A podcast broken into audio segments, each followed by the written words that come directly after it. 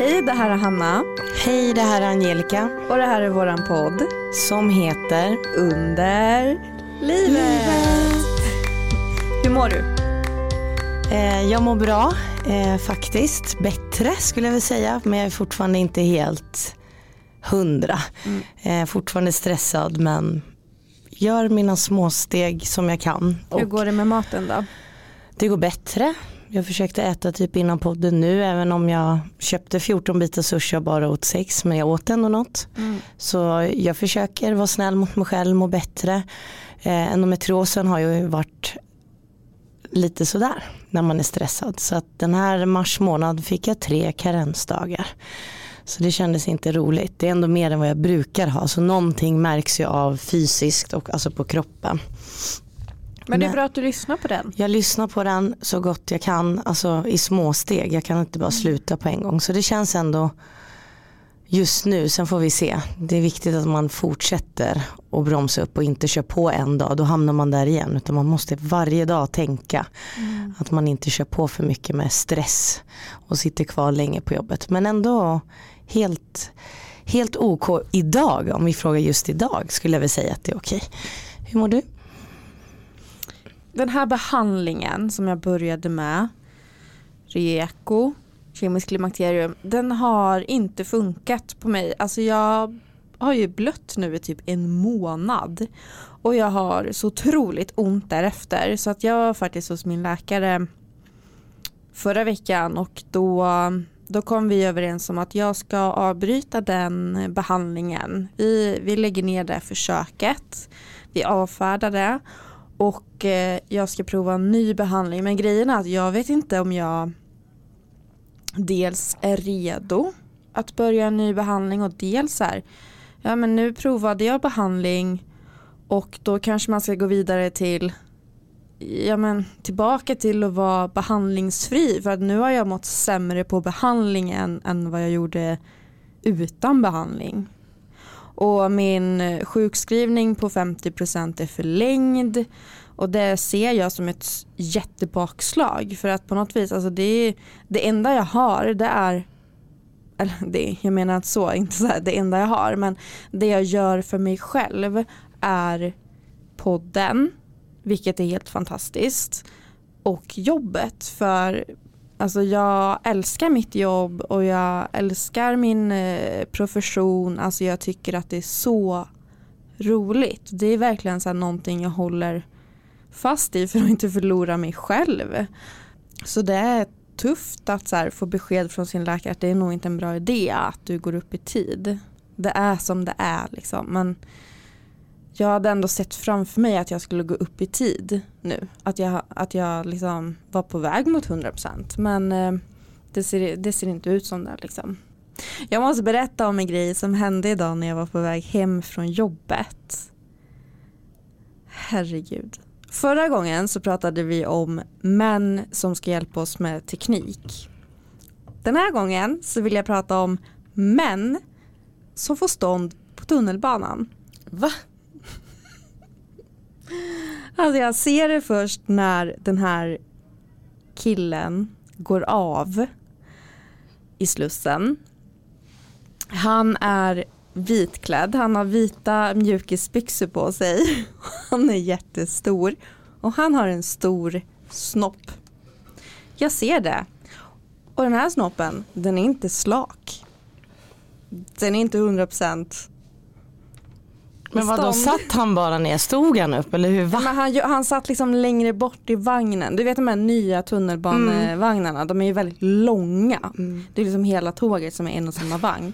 Så han var ju en liten bit bort men när han gick av tunnelbanan i Slussen då såg jag honom. Då stod han upp och den här slashen den var eh, alltså kontur och struktur. Om man säger så. Han hade inga kalsonger på sig. Och den var inte slak. Jag säger inte att den var 100% hård. Nej. Men 60%. Men what? Ja. Nej men det, det är ja, alltså ja. tunnelbanan. men gud. Ah, vad varmt ja, Vad varmt det blev. Oh my god. Ja, nej men det var jätteotäckt. Usch det var så otäckt. Ja. Ja den, ja, den här podden det är högt och lågt men även det här vi pratar om att Och stort och smått. Stort och smått. Exakt. Men också det här. Kolla vad du kämpar med nu att du ska gå upp i tid och jag borde egentligen gå ner i tid. Mm. Mm. Det känns som att under de här poddåren som jag ändå får kalla det nu så synkar vi ju aldrig, nästan aldrig. Visst är det sjukt, det är alltid svartvitt. Alltså, det är helt, helt olika. Ja men jag tror att, jag tänker att det är jättebra. För då känner man igen sig antingen så här i dig eller i mig. Men det är liksom, Vi är ju väldigt olika du och jag. ja men det är ju så här perfekt ändå i podden att kunna dela två olika synvinklar. Det är som att Ibland känns det nästan som att vad hittar vi på? Men nej, vi är så osynkade i vissa, både behandlingen och allting. Så det vi får ju verkligen perspektiv från båda hållen. Ja, men det komplexa i den här sjukdomen. Ja men Hanna, vi är inte ensamma idag. Vi är inte det. Vi har en gäst med oss. Ska vi köra igång en jingel?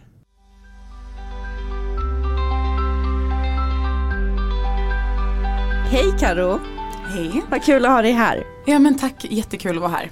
Du får jättegärna presentera dig. Ja, Caroline Skoglund heter jag. Eh, kommer från Göteborg men har bott i Stockholm sedan 2018. Och alltså det är ju lite kul med dig Mm. för att du skrev ett inlägg i den fantastiska Facebookgruppen Heja Livet som man kan säga är ett nätverk och inte en Facebookgrupp. Eh, och sen så slog det mig ju att eh, du är ju sambo till en av mina kollegor och det här inlägget som vi kommer återkomma till längre fram handlar om föräldraskap. Men jag tänker så här, vi tar det från början. Hur träffades du och Jakob som är min kollega? Ja, jag och Jakob träffades när vi eh, pluggade i Örebro. Han eh, till eh, lärare och jag till ja, det jag är idag. Men jag, vi träffades via GH. Och ja, han var min fadder på nollningen. Så första kvällen som jag var ute så träffade jag honom. Och kom ihåg att han, jag tyckte han var så himla rolig. Ja, Han är ro- verkligen väldigt han, rolig. Han är han. superkul. Eh, på gott och ont. Ehm, och vi träffades som sagt första kvällen. Fick ögonkontakt för han sa något jättekul och sen så bara så fort vi såg varandra så skrattade vi åt varandra och tyckte det var superkul. Men det var först året därpå som vi ja, men, började dejta. Vem tog första steget? Oh, ehm, han kom fram till mig och jag sa nej men hej Jakob och han var ah, kan du mitt namn Karo? Ja. Så han, han kom fram men jag tog, eh, jag tog tag i det. Så det var väldigt mycket i samspel. Ja absolut, det Ja, var men, det. Gud vad fint. Alltså Ja. det här är ju jätteroligt för mig att få höra. Jakob var ju min handledare också när jag hade VFU som det heter med praktik eh, under liksom, studietiden. Sen fick jag jobb där så Jakob är ju liksom min master kan man säga. Så det är jättekul att få träffa dig äntligen. Eh, men okej, vilket år träffades ni? Vi När träffades då 2015 men blev tillsammans 2016. Ja. Och sen så blev ni gravida. Mm. Berätta om det. Ja. Var det planerat? Nej, Nej, det var det vad inte. spännande. Ja, det var jättespännande när jag fick jättepanik. Eh, när jag plussade på stickan och bara ringde till Jakob och grät och tänkte att nej men gud, folk kommer tycka att jag är för ung för att vara gravid och för att vara mamma. Jag kan vara med i 16 and pregnant. Och Jakob bara, lugn du är 26 år. Det är ingen som kommer tycka att du är för ung. Ehm, så det var väldigt mycket, jag har alltid velat bli mamma. Så det var ju väldigt mycket blandade känslor med att ja, plussa men också och ja, men vara livrädd att jag ska bli vuxen. Mm. Och hur länge hade ni varit tillsammans då? Då var det ett år Mm. ungefär. Så ganska nytt ändå. Ganska nytt. Ja. Och vi pluggade ju båda fortfarande. Just det. Så det kändes så här, ja men gud kommer vi klara det? Hur kommer det bli? Men ja, det blev som det blev. Ja. Ja. Hur märkte du att du var gravid då? Eh, ja men det var ju att mensen inte kom. Ja. på ett par dagar. Eh, och det var så kul för dagen innan jag plussade så hade jag ja, efter ett glas vin eh, gråtit över att min kompis skulle bli faster. jag vill också ha en bebis. Så ja, sagt och gjort. Dagen efter då så skulle jag också få en bebis. Men eh, ni bestämde er då ganska snabbt att ni ska behålla det här. Ja, Ja. ja. Va, men du var lite tveksam. Alltså det var mer bara det här, är man redo? Mm. Och jag tror att oavsett om det är planerat eller inte så tror jag att det är nog ganska vanligt att få det här, är jag redo? Ehm, så det var väl mer bara rädslor inför ja, men det ansvaret som kommer med det. Men också att det var under pluggtiden. Då får man ju så här, en, tänka en gång till. Ska vi vänta eller ska vi köra på nu ändå?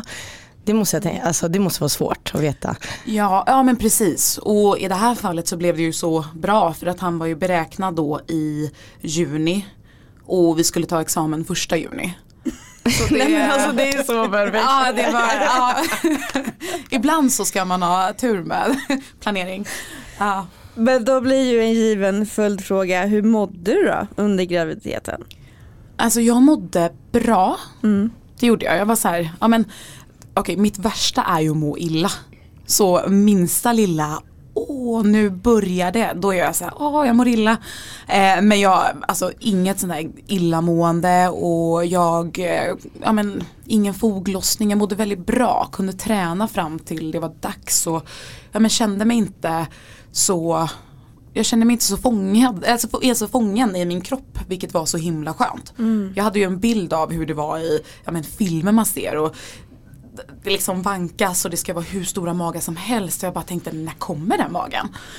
Så ja, det, det gick väldigt, alltså väldigt eh, fin och ja, men lättsam graviditet skulle jag säga. Och, så du kunde liksom plugga och ta examen som planerat? Ja, precis. Jag, han kom ju då den 21 juni. Vi tog examen den 1 juni. Jag tog körkort den 10 Åh, juni. herregud. Och dagen innan hade vi precis köpt vår första lägenhet. Så det var det att, ja nu kan jag slappna av. Och ja, så det var många vuxenpoäng man bara kunde Ja, bocka av där. gång. Och det Ja. där är ju många som inte klarar av det. Alltså en flytt kan ju vara jättejobbigt för många. Där har du liksom allting, både examen, flytt, lägenhet. Ja men allt stort som händer på samma gång, väldigt så här existentiella grejer. Ja, Ja, nej men det var ju också det som var eftersom, eh, ja men vi pluggar ju då som sagt i Örebro. Jag är från Göteborg, Jakob är från Stockholm. Så var det också så här, vart ska vi bo någonstans? Eh, för vi visste ju att vi ville definitivt inte bo i Örebro. Och så blev det ju då att ja, valet föll på Stockholm. Och så började vi kika och så ja, löste det sig till slut. Vilket var väldigt skönt. Mm. Varför blev det Stockholm då? Eh, alltså jag har varit väldigt mycket i Stockholm och turistat och tycker att det är en superfin stad. Jag har inte bott i Göteborg på 12 år ungefär. Och ja, men där och då kände jag inte att jag längtade hem. Sen har det ju helt klart blivit en annorlunda grej nu när ja, men man vill ha familjen nära och så. Men det är jätteskönt att Jakobs föräldrar, de bor i Stockholm. Så det är väldigt skönt. Ta oss igenom förlossningen Karo. Ja. Eh, jo, det, var, det började ju då med att eh, vattnet gick mitt i natten, klockan tre på natten. Sa det splash? Nej men alltså det var, eftersom att jag, jag låg ju och sov. Men det blev som, och jag låg på sidan. Och det var liksom som att det någonting bara knäppte till. Och ja, Jakob som då var en gamare på den tiden, han satt upp och gamea. Så jag ropade ju på honom och han har ju då sagt det att jag avslutar då mitt i, eh, ja, jag kan inte gamingtermerna. Men han kom ju då springandes med en handduk så inte en droppe vatten hamnade i stängen för att ja, jag fick ju liksom vanka till badrummet. Eh, men där såg jag ju då att det var, det var brunt. Och, så vi ringde in till förlossningen. Och då var det liksom att han hade ju bajsat i vattnet. Eh, vilket gör att då får man åka in direkt. Eh, det är ju ett av kriterierna då för att kunna få åka in till sjukhuset. Eh, Och då är det någonting som är fel? Eller? Ja men ofta så är det för att barnet är stressat. Och så ja, åkte vi in dit och fick stanna för de fick ju, ja men de såg ju att det inte var ja, men genomskinligt vattnet. Eh, och sen då efter en väldigt lång tid så, så kom Oskar. Och jag märkte, Jakob var ju jätteglad. Han bara, ah, men nu är han ute. Men jag märkte ju direkt, han skriker inte. Och de, Åh gud vilken panik. Ja det var verkligen det. För jag bara kände att efter allt det här och jag hör inte att han skriker.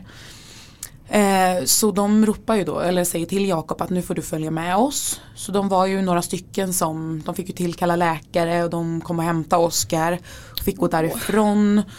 Och så är då min barnmorska som så här, ja, men hon kollar så att allting ser bra ut. Men så säger hon det att nej men du behöver inte sys. Allting ser bra ut. Eh, nu måste jag gå.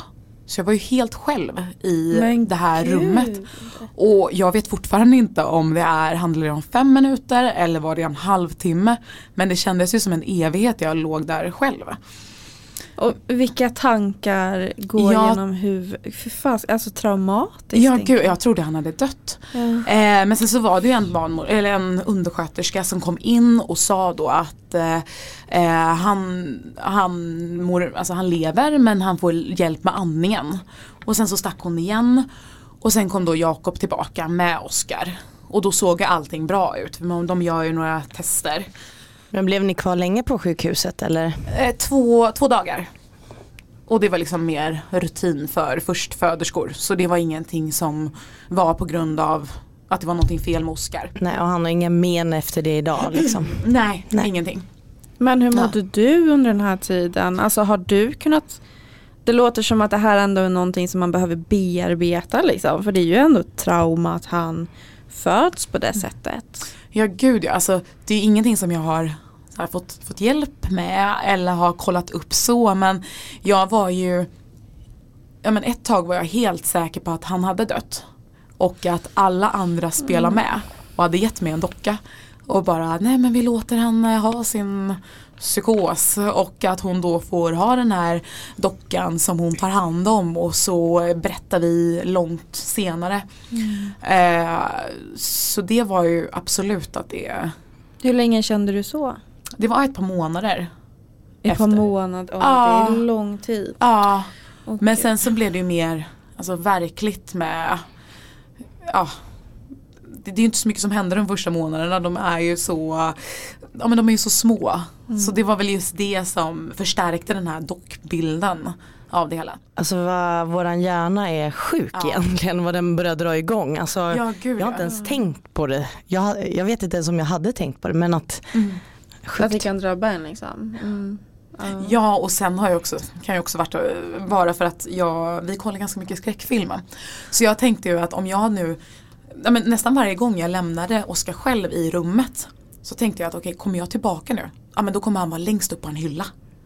Eller så kommer han ja, men, ligga någon annanstans. Han kunde ju inte röra sig men jag tänkte att ja, men nu, är det en, ja, nu är det någon som är besatt. Och ja, jättekonstigt. Men kunde du prata med någon om de här tankarna? Alltså, det... Eller var, kändes det som att det var lite tabu? Nej inte tabu, det var väl mer bara att jag kände Ja men det var så mycket annat Man, man prioriterar, eller man, jag prioriterar inte mig själv. Och kände väl att men, det som jag, jag förstår ju ändå någonstans att det är konstiga tankar. Och skulle det nu vara så att, ja men Att det skulle vara en docka jag höll men de skulle inte berätta för mig att det var en docka utan de skulle ju bara fortsätta sitt spel.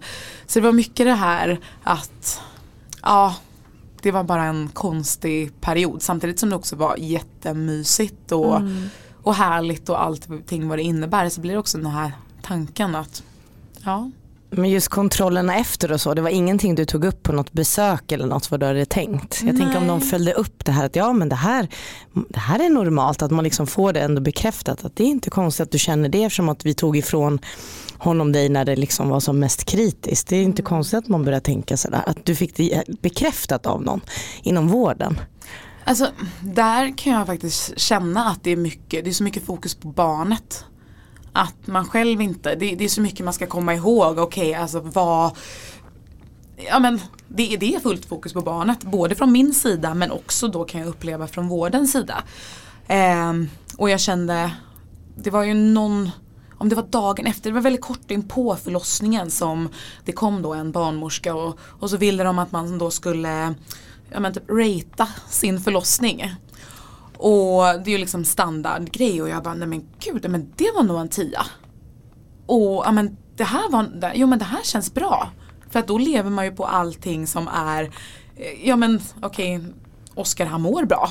Allting har gått bra. Det har inte skett några komplikationer. Men Jakob var så här, men det, det var ju inte helt hundra. Mm. Men bara just det. Men det kommer ikapp en sen också. Precis, för man lever på den, okej okay, men allting ser så bra ut nu.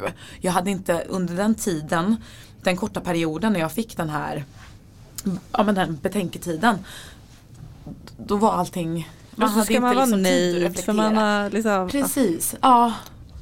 Så mm. ja det är en väldigt märklig situation men eh, där och då var allting bara nej men gud allting ser bra ut. Men vi har ju pratat om eh, för, liksom ett antal förlossningar med ett antal kvinnor i den här podden och det är ju bara en av våra gäster som har sagt att hon så fick barnmorskan satte en hand på hennes axel och så här det här som du har varit med om det är någonting väldigt omvälvande vi kan prata om det sen vi behöver prata om det liksom. Det var en person, det är Julia. Um, jag tänker att det här är ju någonting som man verkligen måste lyfta mer för det är ju en jätteomvälvande händelse. Uh, och så ser man framför sig hur man kanske föder och får upp sitt barn på bröstet och, och barnet skriker och barnmorskorna tvättar av det och så får man ligga där i sängen med sitt barn och så blir det inte så. Alltså det måste vara, jag kan inte ens föreställa mig där liksom den upplevelsen och sen inte få bekräftelse i att det inte blev som det var tänkt. Det måste varit jättehemskt. Ja, ja men precis. Det är ju just att det hade verkligen varit skönt att få en avsatt tid. Mm. Där det är okej okay, med mammans mående. Ja. Eh, för nu var det mycket, men går amningen bra? Alltså min kropp var ju inte min kropp utan det var ju Oskars, det var ju Oskars mat. Det var, ing, mm. det var liksom inte så mycket mer än så. Mm. Men, hur mådde du efter, alltså både fysiskt och psykiskt? Fick du något men efter förlossningen? Nej, allting var ju liksom väldigt bra. Det, fysiskt var det väldigt bra. Och alltså i stora hela så tycker jag ju att det har gått väldigt bra. Men, ja, men då bortsett från eh, starten som var väldigt traumatisk. Men sen fick Oskar ett syskon. Ja. ja. Var han planerad eller var det också en chock? Nej han var väldigt planerad. Ja. ja båda är lika älskade. Men han var väldigt, väldigt planerad. Um, och jag hade koll på min ägglossning. Och ja, och sen hur lång tid tog, då vill jag ju veta hur lång tid tog det från att ni så här, nu slut, hade du något p-piller eller så? Nej det hade Nej. jag inte. Mm. Nej. Och det gick på första försöket. Det var sån vi blev, där blev vi ju chockade för att, ja men gud, det, ja, att det gick så, så pass lätt. Um, så vi är ju supertacksamma för, ja, att det att det gick bra. Mm. Och hur var den graviditeten? Var den också bra? Den var jättebra också.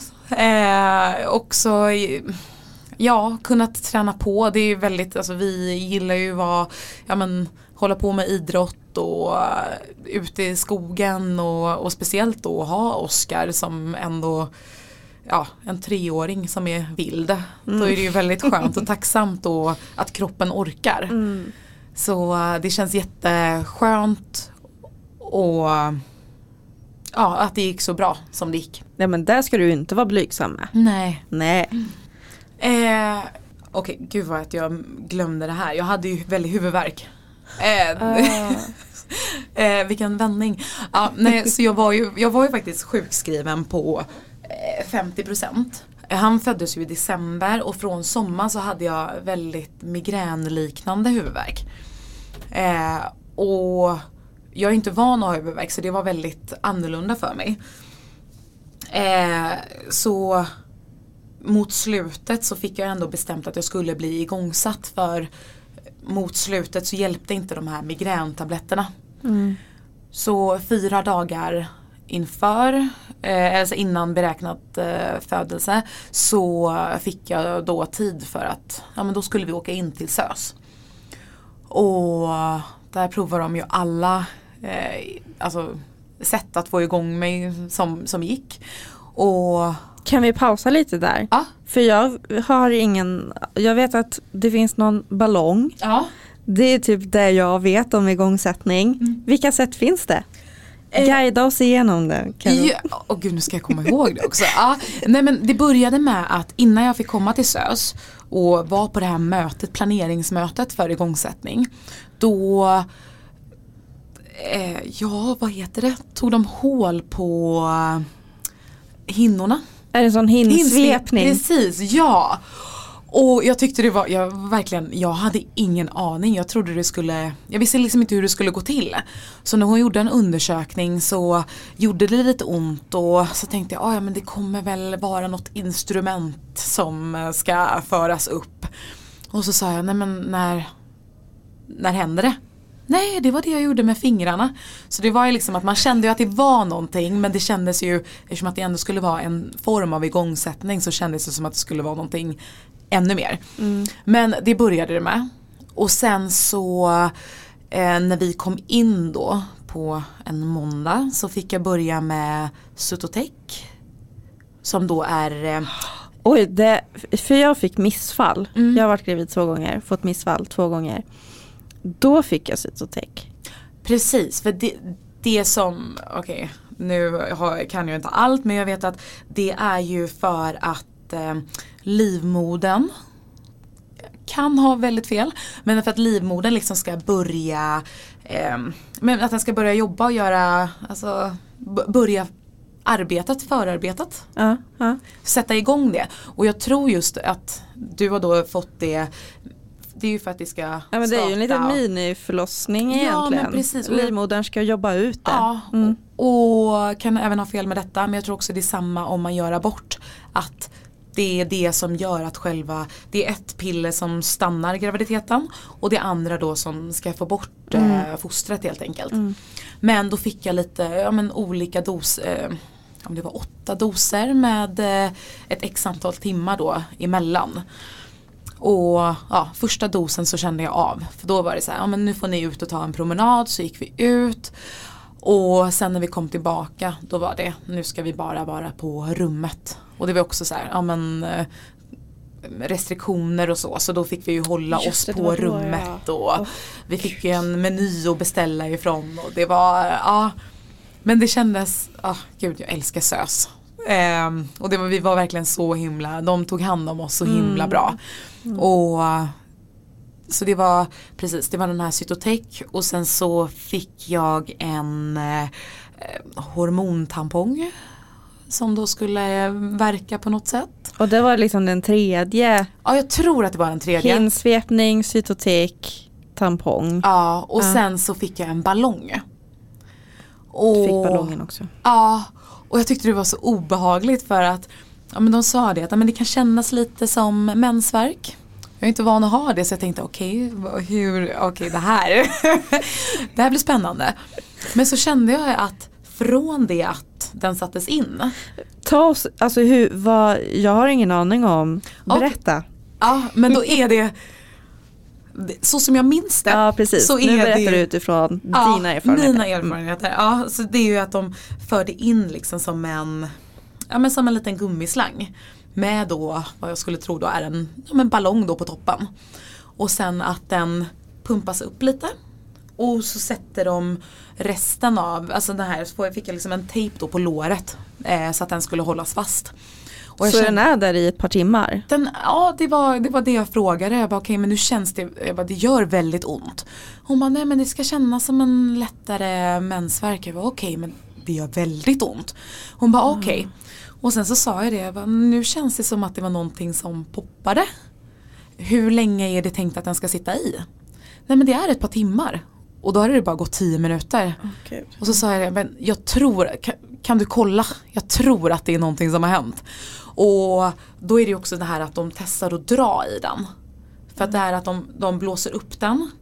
Och så får det ju liksom verka och sen när man är öppen, när man är redo då, då kommer den bara liksom att ja, men, dras ut. Men för de upp den liksom i livmodern så att den ska liksom vidga Precis, livmodertappen? den ska vidga. Men Och gud gör det inte ont när de drar då om, den, om det inte kommer ut? Ja men precis. Alltså, men, men grejen med mig det var ju att det gick på typ en kvart. det skulle ju ta några timmar.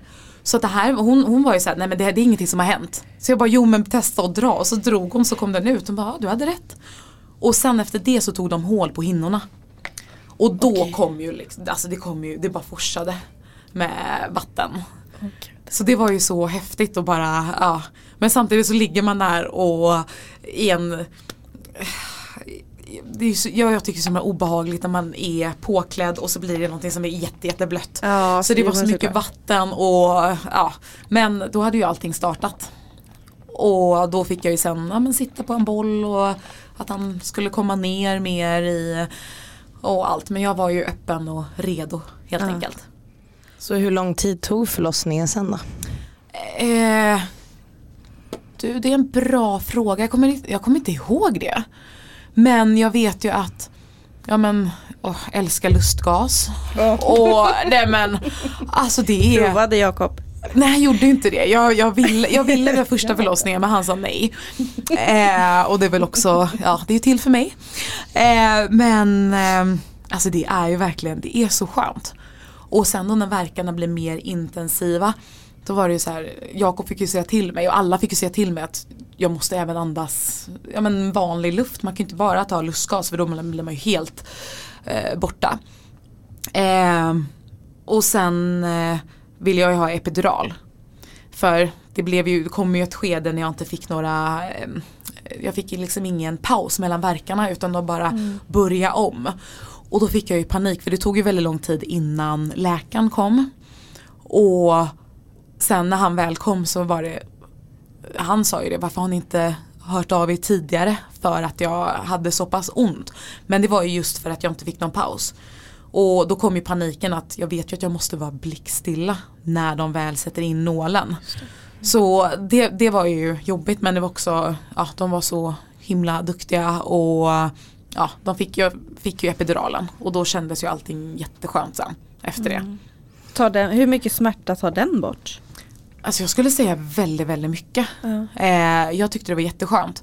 Eh, men jag visste ju då, hade ju med mig från förra förlossningen att de sa ju det att det är ju bara under verk, alltså verkarna, verkarbetet som epiduralen hjälper. Sen under kryssningsfasen då, då hjälper den inte. Och jag kommer ihåg med Oskars förlossning att jag hade så himla ont när jag skulle krysta ut. Och det var ju vidrigt. Men det var så himla annorlunda upplevelse med andra förlossningen. För jag antar att ja, men då har man liksom vidgat och det ja, men kroppen har gått igenom det en gång innan. Ja. Så själva krystning, alltså krystarbetet var det funkade jättebra med bara lustgas Mm. och andas igenom. Så jag blev jättechockad när de sa det. Ja men, eh, eh, ja, men knäpp upp eh, skjortan nu. Och då började jag gråta. Är han här redan? Ja, du var inte med Nej jag var det. inte alls beredd på det. För att det, ja, Du väntade på de där smärtorna liksom. Ja men precis och jag hade ju ändå fått se och Det var verkligen bra synkat med en av eh, de som var där. För jag, precis då när jag ville fråga, bara, Gud, har ni en spegel? För jag ville se. Så kom hon med en spegel, bara, vill du titta? Jag bara, ja det vill jag göra. Jakob, nej, han ville ju verkligen, alltså han ville, han kollar ju bara på mig. Eh, ville inte riskera att se någonting men jag tycker det är så himla fint. Ja. Jag, kollade, jag kollar väldigt mycket, jag men så här, följer konton där man får se På Youtube liksom, förlossningar. Nej men Asabia Ja. på, ja, på Instagram. Mm. Alltså så otroliga bilder. Så jag ville verkligen se och det var så, det var så häftigt att se. Och då blir man också så här, okej men det är så pass nära och sen tog de bort och då ändrade jag jag stod på knä med och hade, ja, och, och sen så fick jag en, en byta position och sen tog jag emot honom själv och det var så Nej, vad himla, det var så, ja det var så himla mysigt. Och ja, Fan vad du är cool. Ja, det, ja tack. Väldigt, och vad fin. Nej, men det, var, det var, kändes verkligen som en revansch från första. Och nej men gud, jag tycker, jag tycker de var för bra på SÖS för jag ville bara föda igen. Jag vill, inte ha, jag vill nog inte ha fler barn men jag vill föda igen för att det var så himla tycker jag är jättebra att vi lyfter också, Ja. att man inte ska vara rädd och du Nej. fick så bra bemötande där. Jättebra. Ja, och det, det var ju också den här i det var så mycket skriverier om att det var kris i förlossningen det. och Mm. där var jag lite nervös. Att okej men kommer det vara men hur kommer det se ut med be bemanningen och så men det var så tryggt där. Att ja, men de gav en tid när, man, ja, men när de inte behövdes, då var vi själva på rummet. Men det var så, de var så tillgängliga och det var Mm. alltid ja, fullt med människor som stöttade en och så. Så det var supertryggt. Mm. Ja. Fan vad fint. Att du fick den revanschen. Ja. Ja. Karo, du skrev ju ett inlägg på Heja livet som vi sa förut. ja, Skulle du vilja läsa upp det? absolut. För det, alltså innehållet i det här inlägget, när jag läste det då visste jag ju inte att du var sambo med min kollega och jag läste det här inlägget och blev väldigt berörd. Framförallt så är det ju helt otroligt det som, eh, som du skrev om. Men så här, det här har aldrig slagit mig heller. Att man kan råka ut för det. Det känns jätteviktigt att du är här idag och liksom kan prata om det. För att det här är verkligen ett perspektiv på föräldraskapet som är så otroligt viktigt och som jag tror att många inte ja, men, tänker så mycket på liksom, att det kan vara ett problem. Det här var ju då ett inlägg jag skrev den 5 november 2019. Mm. Och då skriver jag Kloka kvinnor. Ni kanske tycker att det är en bagatell men för mig börjar det att bli tröttsamt. Jag har världens charmigaste och finaste lilla kille som gärna söker uppmärksamhet hos andra människor. Reaktionen blir oftast Oj så söt. För att många gånger få följdfrågan Är det din son? Ja, han är blond och blåögd och jag är, ja, mot det mörkare hållet. Jag fick frågan senast igår och tidigast på BB. Tjejen jag delade rum med skämtade och frågade om, någon, om det blivit någon förväxling. En gång fick jag frågan precis när jag skulle börja amma. Jag tycker att frågan är tröttsam och jag brukar oftast ursäkta med att han är väldigt lik sin pappa. Till min fråga. Vad säger man i detta läge utan att bli den som gör situationen än mer obekväm? Ja, kvällens fundering. Varför kan människor inte bara anta att jag är mamma? Frågar samma människor adoptivföräldrar om det är föräldrarna till barnet? Något säger mig att frågan inte ställs till vita mammor och då relaterat till mitt fall eh, som då har svarta barn. Men det är som sagt en tanke och ber på förhand om ursäkt om någon skulle ta illa vid sig. Mm. Alltså så jäkla bra skrivet Karo.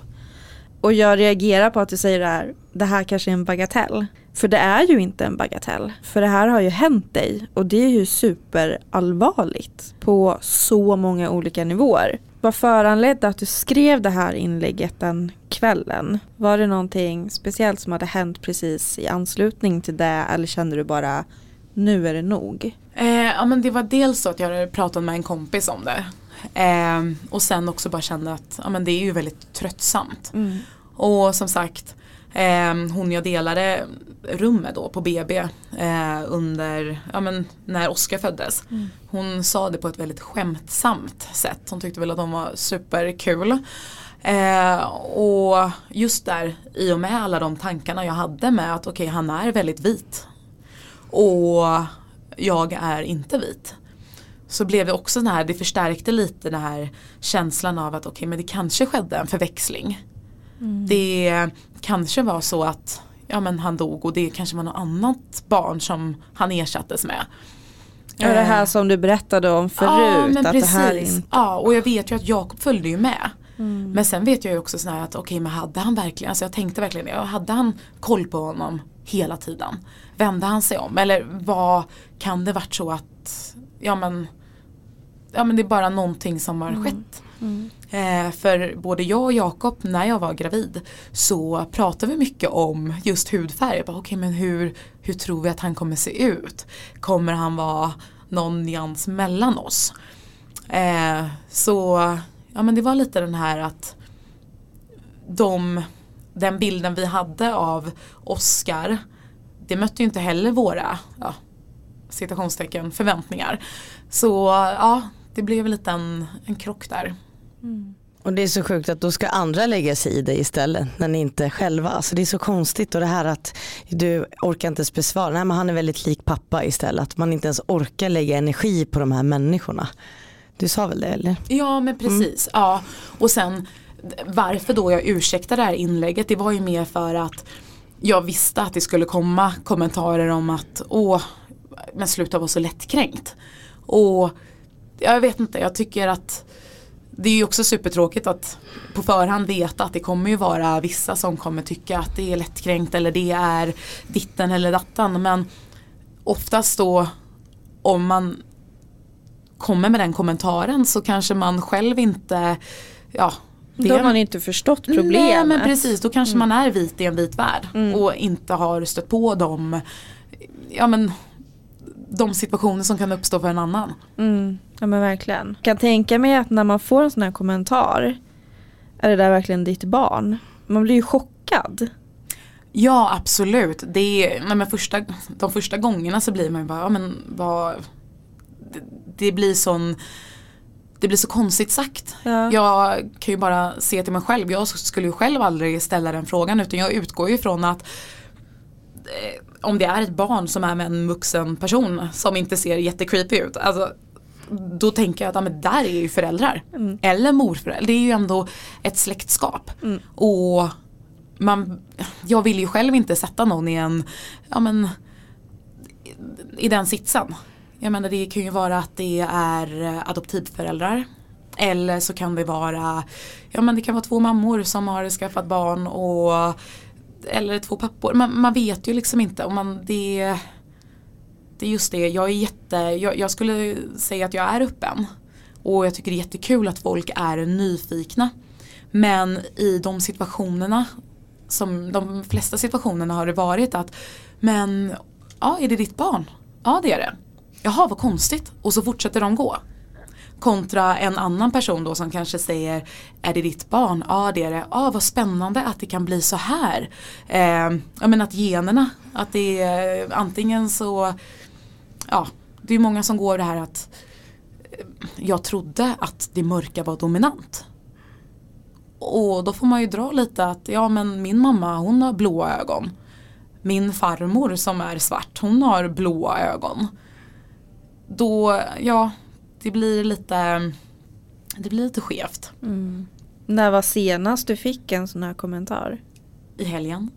Är det sant? ja. Men är det ofta? Alltså, eh, alltså inte nu längre men då var det eh, I helgen så var det en gammal bekant som jag träffade eh, Och då Det var väl mer chocken bara dels att ja, men, Vi har inte setts på 12 år Och han sa det, ja men är det dina barn?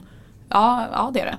Och sen så var det ju eh, Men där blir det en annan sak för det blir lite mer skämtsamt. Jag, jag, alltså, jag vet ju ändå vem personen är. Och då kunde den bara på ett skämtsamt sätt bemöta. Ja men det är ju Ja, ibland blir det så här.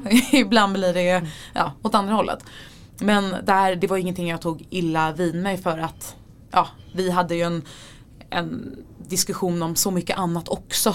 Det blev bara en liten del. Mm. I de situationer när jag upplever att jag tycker att det är jobbigt. Det är där frågan, det börjar och tar slut där. Mm.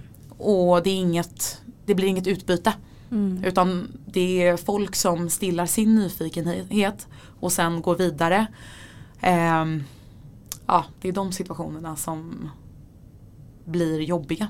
Mm. Att det är människor man inte känner som typ där på flass som bara säger det. Mm.